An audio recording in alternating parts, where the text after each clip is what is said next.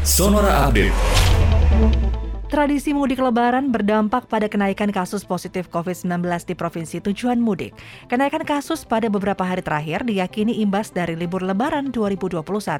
Hingga tiga pekan pasca lebaran, tercatat lima provinsi dengan kenaikan kasus tertinggi. Kasus tertinggi ada di Jawa Tengah, kemudian Kepulauan Riau, Aceh, dan daerah istimewa Yogyakarta.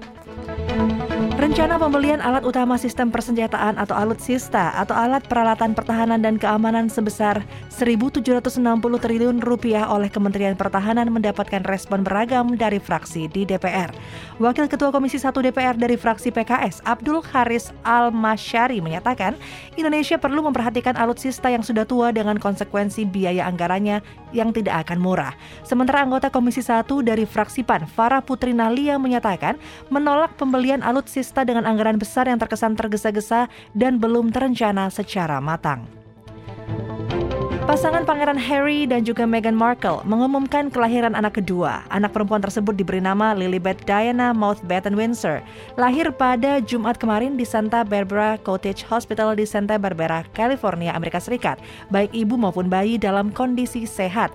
Dalam pernyataan resmi, Pangeran Harry dan Meghan Markle menjelaskan alasan pemilihan nama Lilibet Diana dan Lilibet diambil dari panggilan keluarga untuk Ratu Elizabeth II sementara Diana diambil dari nama mendiang Diana Spencer, ibu dari Pangeran Harry.